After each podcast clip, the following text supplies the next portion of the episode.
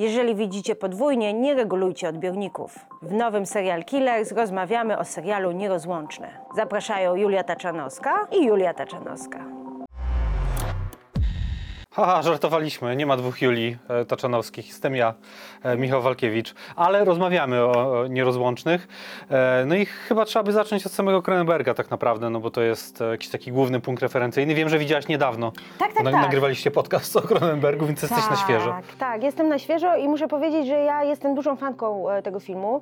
E, Ja wiem, że on ma różne opinie i tak dalej, natomiast przede wszystkim byłam wielką fanką roli Jeremiego Ironsa, w podw- podwójnej roli Jeremiego Ironsa. Jako Elliot i, I e, Beverly, czyli tu się tak, nic nie tak, zmienia. Tak, tak. I w ogóle y, tak jak usłyszałam o tym serialu, to sobie pomyślałam po cholerę jasno, znowu kolejny remake się, się kręci, przecież ten film jest świetny e, i po, czy nam naprawdę są potrzebne kolejne jakieś seriale, produkcje, które przetwarzają arcydzieła. A tu się okazuje, że twórcy biorą pomysł oryginalny, to który zresztą jest z książki w ogóle, więc to, Tak, to tak, jest tak. adaptacja.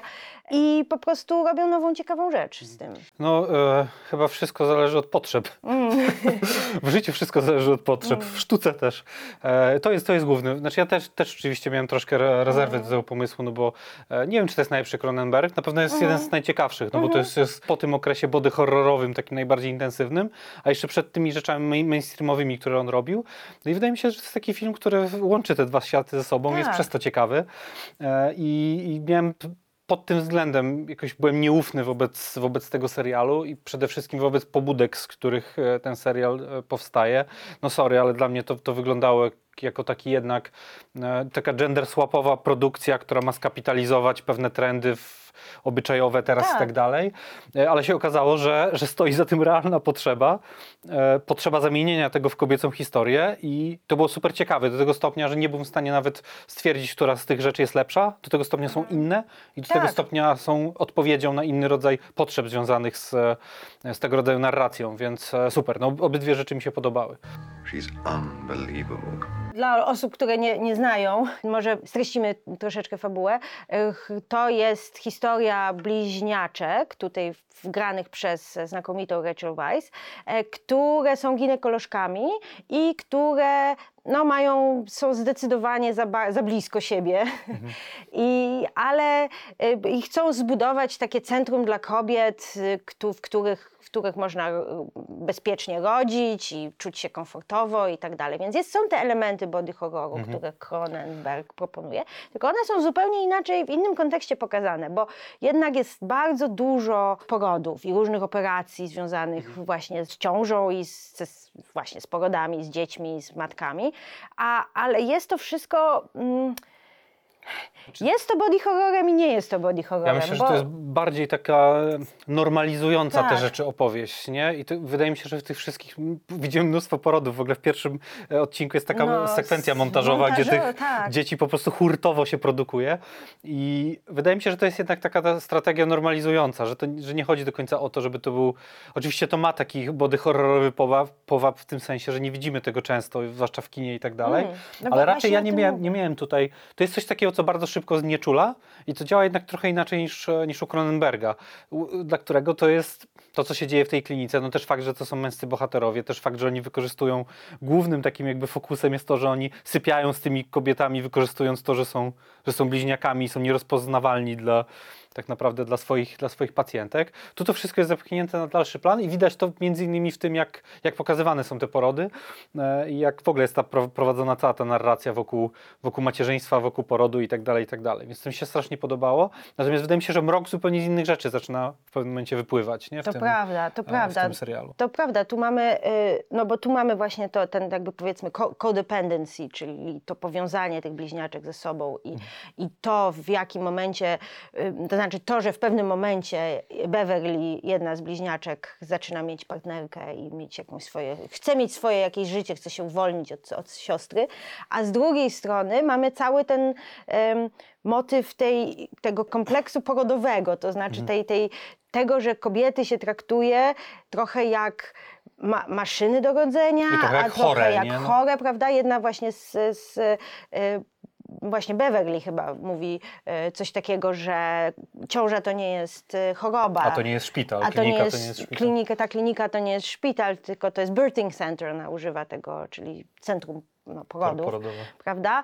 I to jest też bardzo ciekawe takie spojrzenie na, na to, jak kobiety odzyskują swoją, sw- swoje ciało dla siebie, prawda? I to jest też o tym opowieść. No tak, to jest i tu chyba cała jakaś taka perwersja tego serialu się wyradza, no bo odzyskują to ciało, ale z drugiej strony przekazują to ciało głównym bohaterkom, które Tak. mają absolutnie toksyczną relację, nie tylko ze sobą, ale też ze swoim rzemiosłem. E, No. Beverly jest oczywiście w cudzysłowie nominalnie tą, tą dobrą, to znaczy Tak. ona ona jest empatyczna, ona robi to dla, z altruistycznych powodów i tak dalej.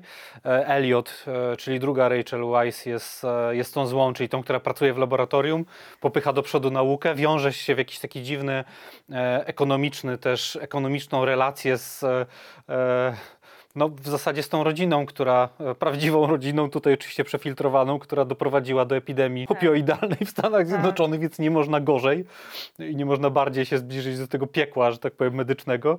E, No więc tu jest też ta linia konfliktu i, i ten film, się- ten serial się staje trochę opowieścią jednak o etyce, nie? Tego, co one robią. To też mi się wydawało ciekawe, co u Cronenberga jest, no ale jest, jest No słabo tak. jednak zaakcentowane. Tak, nie? to znaczy główny akcent tam idzie na to, że to mężczyźni kontrolują, Tak, prawda, tak, tak, ten tak. proces porodowy, prawda, a tutaj jest tak, e, prawda, też Beverly chce sama zajść w ciążę, to jest zresztą jedno z pierwszych ujęć, gdzie ona trzyma Martwy płód. martwy płód, tak, tak.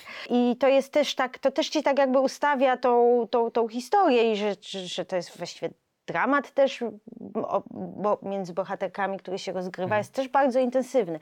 To jest bardzo dziwnie sfilmowane wszystko, w sensie, że ta estetyka tego filmu jest bardzo ciekawa i, i podoba mi się to, że to właśnie buduje trochę na, na takim Cronenbergowskim jakimś Mhm. takim obrazie, e, a, ale jest zupełnie czymś innym. Mhm. Tak, no, y, nie wiem właśnie, czy robić z tego zarzut, bo główny jakiś taki problem, który mam z tym serialem jest taki, że o ile to, co się dzieje między bohaterkami, sam rysunek psychologiczny bohaterek jest dla mnie do, dość skomplikowany i, i spełniony, o tyle cały świat dookoła jest bardzo taki umowny, prosty i Mm. komiksowy. To widać zwłaszcza w postaciach tych sponsorek, właściwie sponsorki granej Tak. przez e, Jennifer Ely, e, sponsorki tej całej ich inicjatywy. No ona jest jak z, z innego filmu, w którym grała, czyli jak Saint Maud, że jest po prostu zła. Jest, No ale jest świetna. jest świetna, ale jest, jest, jest złą osobą, jest, jest nieetyczna, jest amoralna, jest absolutnie zepsuta przez, przez stare pieniądze, więc tam wszystko się, tak jakby wszystkie te levele zła się na siebie nakładają. E, Rachel Weisz. E, wielka rola, większa niż Jeremy Irons.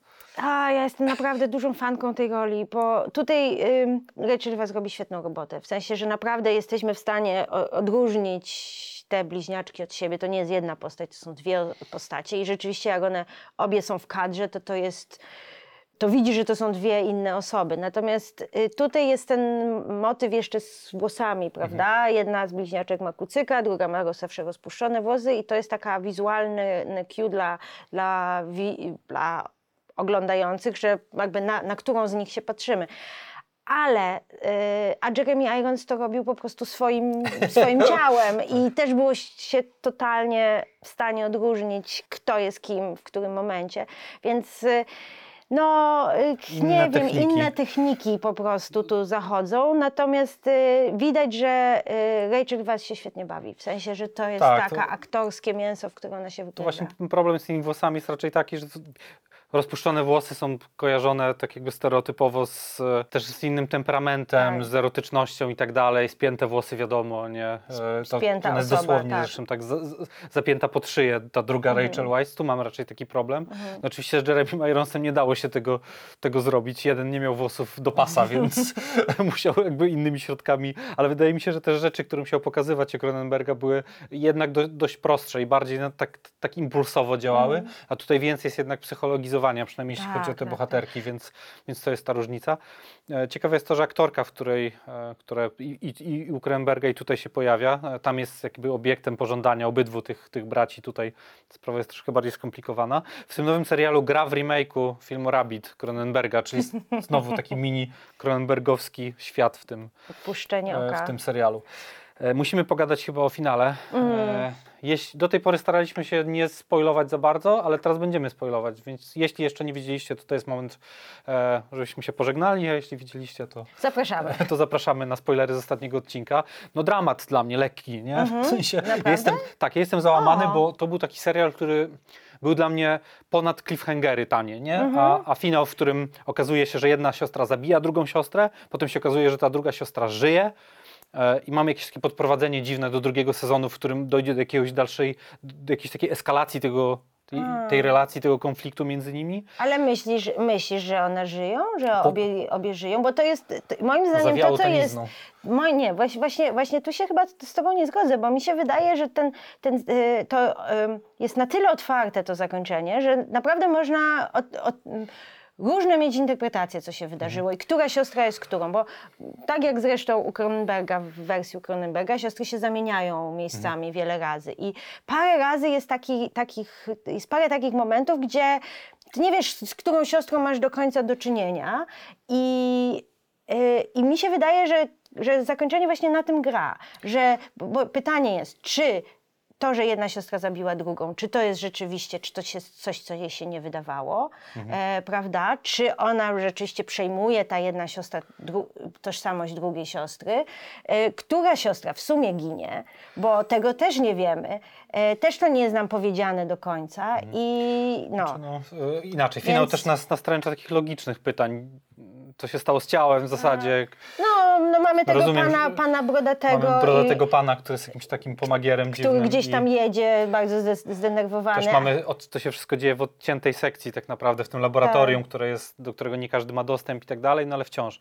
Wydawało No. mi się, że ten serial troszkę innymi, no innymi tak jakby środkami narracyjnymi operował i, i też sam tekst był tak jakby pisany zupełnie na innych tonach niż to, to co się dzieje Hmm. w finale. Oczywiście ten serial, no mamy klamrę, poznajemy e, całą historię z perspektywy e, jednej z bohaterek, która jest na Mhm. jakiegoś rodzaju terapii i opowiada o śmierci tej siostry, więc my wiemy przez cały serial, że, że ona umrze, natomiast... Tak, e, ale widzisz, to też jest pokazane, czy, czy powiedziane, niedopowiedziane bym wręcz powiedziała, czy ta siostra rzeczywiście, ona chodziła na te, na te e, czy to są mm, retrospekcje, czy tam flashbacki, czy flash forwardy, czy to jest, czy to No jest tak, ta tak, sama tak, linia jest- czasowa, czy to jest, to jest inna linia czasowa, czy ona po prostu chodziła i miała fantazję, że jej siostra nie żyje, prawda? Która z tych sióstr zresztą to mogła robić, prawda?